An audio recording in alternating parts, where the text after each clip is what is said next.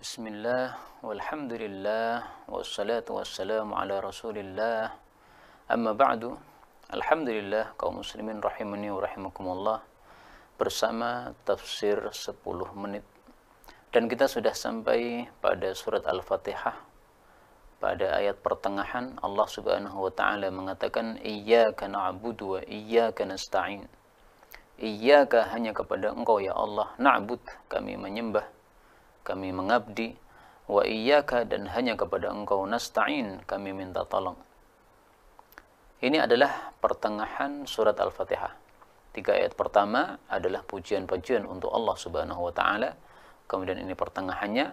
Kemudian tiga ayat berikutnya itu adalah bagian untuk hamba yaitu doa yang akan dikabulkan oleh Allah Subhanahu wa taala apabila seorang hamba membacanya.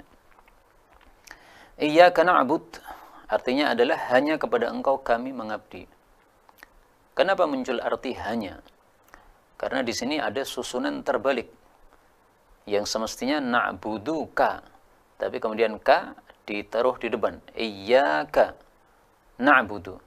Nah, maka susunan seperti ini disebut susunan taqdim wa ta'khir.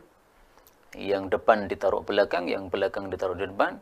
Ini meng, me, mengandung arti hasr atau hanya kalau diterjemahkan dalam bahasa Indonesia. Nah, maka terjemah yang tepat adalah Iyyaka na'bud hanya kepada Engkau ya Allah kami mengabdi. Karena itu ibadah hanya khusus untuk Allah Subhanahu wa taala. Tidak boleh bab-bab ibadah dipersembahkan kepada selain Allah Subhanahu wa taala. Maka dalam Islam ini haram hukumnya kita sujud kepada selain Allah Subhanahu wa taala. Sujud kepada orang tua tidak boleh sujud kama hanya kepada Allah Subhanahu wa taala karena sujud termasuk bab-bab ibadah sehingga hanya dikhususkan kepada Allah Subhanahu wa taala. Apa pun segala yang menjadi kekhususan Allah kalau diberikan kepada selain Allah Subhanahu wa taala maka itu menjadi kesyirikan diharamkan di dalam Islam. Iyyaka na'budu wa iyyaka nasta'in.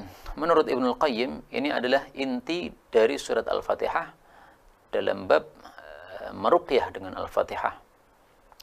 Kenapa Al-Fatihah disunnahkan bagi kita untuk meruqyah dengannya? Nah, intinya adalah pada ayat ini. Iyyaka na'bud wa iyyaka nasta'in. Karena itu wajarlah kalau sebagian orang ketika meruqyah dengan membaca surat Al-Fatihah, ayat iyyaka na'budu wa iyyaka nasta'in ini diulang-ulang. Ya tidak ada masalah. Meskipun tidak boleh mengatakan bahwa itu adalah sunnah Nabi mengulang mengulang-ulang khusus ayat ini tetapi mengulang ayat itu memang diperbolehkan. Rasul sallallahu alaihi wasallam pernah dalam satu malam salat tahajud beliau yurad di doa ya beliau itu mengulang-ulang satu ayat diulang diulang diulang terus nah, maka sebagaimana beliau juga mengulang-ulang satu ayat dalam salat tahajud Demikian juga diperbolehkan kita dalam ruqyah ini mengulang satu ayat ini iyyaka na'budu wa iyyaka nasta'in berulang-ulang karena memang ini adalah intinya untuk dalam masalah peruqyahan. Kaum muslimin rahimani wa rahimakumullah. Allah Subhanahu wa taala kemudian mengatakan, "Ihdinas siratal mustaqim." Tunjukilah kami kepada jalan yang lurus. Yang dimaksud jalan yang lurus adalah al-Islam atau Al-Quran atau Rasulullah sallallahu alaihi wasallam atau yang membawanya yaitu Rasul sallallahu alaihi wasallam. Itu semuanya adalah sesuatu yang satu ya. Kalau disebutkan Rasulullah karena Rasulullah yang membawa Al-Qur'an. Kalau disebutkan Al-Qur'an karena Al-Qur'an itu adalah kandungannya ajaran-ajaran Islam.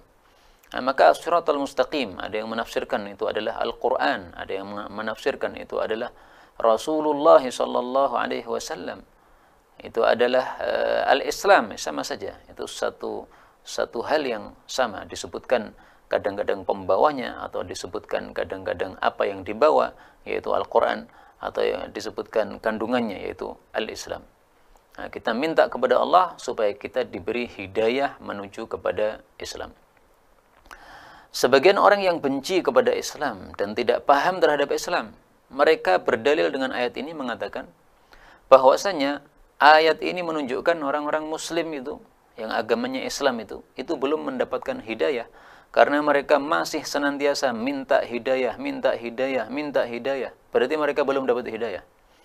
Nah, maka jawabannya adalah bahwa yang dimaksud ihdinas siratal mustaqim itu bukan berarti kita belum punya belum dapat hidayah bukan. Tetapi kita senantiasa minta hidayah kepada Allah Subhanahu wa taala.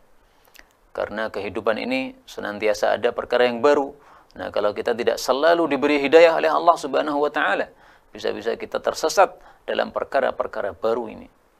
Maka ihdina tunjukilah kami maksudnya tambahkanlah hidayah kepada kami dan teruskanlah hidayah kepada kami. Jangan engkau putus hidayah kepada kami ya ya Allah. Ihdinas siratal mustaqim. Dari sisi bacaan Al-Qur'an kata-kata as-sirat itu boleh dibaca dengan tiga bacaan. Boleh dibaca dengan huruf sad as-sirat. Boleh juga dibaca dengan huruf sin as-sirat. Boleh juga dibaca dengan huruf sin uh, yang dicampur dengan zain yang istilahnya adalah ismam ya ihdinas zirat itu semuanya adalah bacaan yang mutawatir diajarkan oleh Rasul sallallahu alaihi wasallam. Sebagaimana dulu saya dapatkan ilmu ini dari guru kami Al Ustaz Saiful Islam Mubarak dalam satu uh, kajian i'tikaf bersama beliau. Wallahu taala alam bisawab. Inilah yang dapat kita bicarakan. Benarnya dari Allah Subhanahu wa taala. Dan apabila ada salahnya فأستغفر الله العظيم لي ولكم.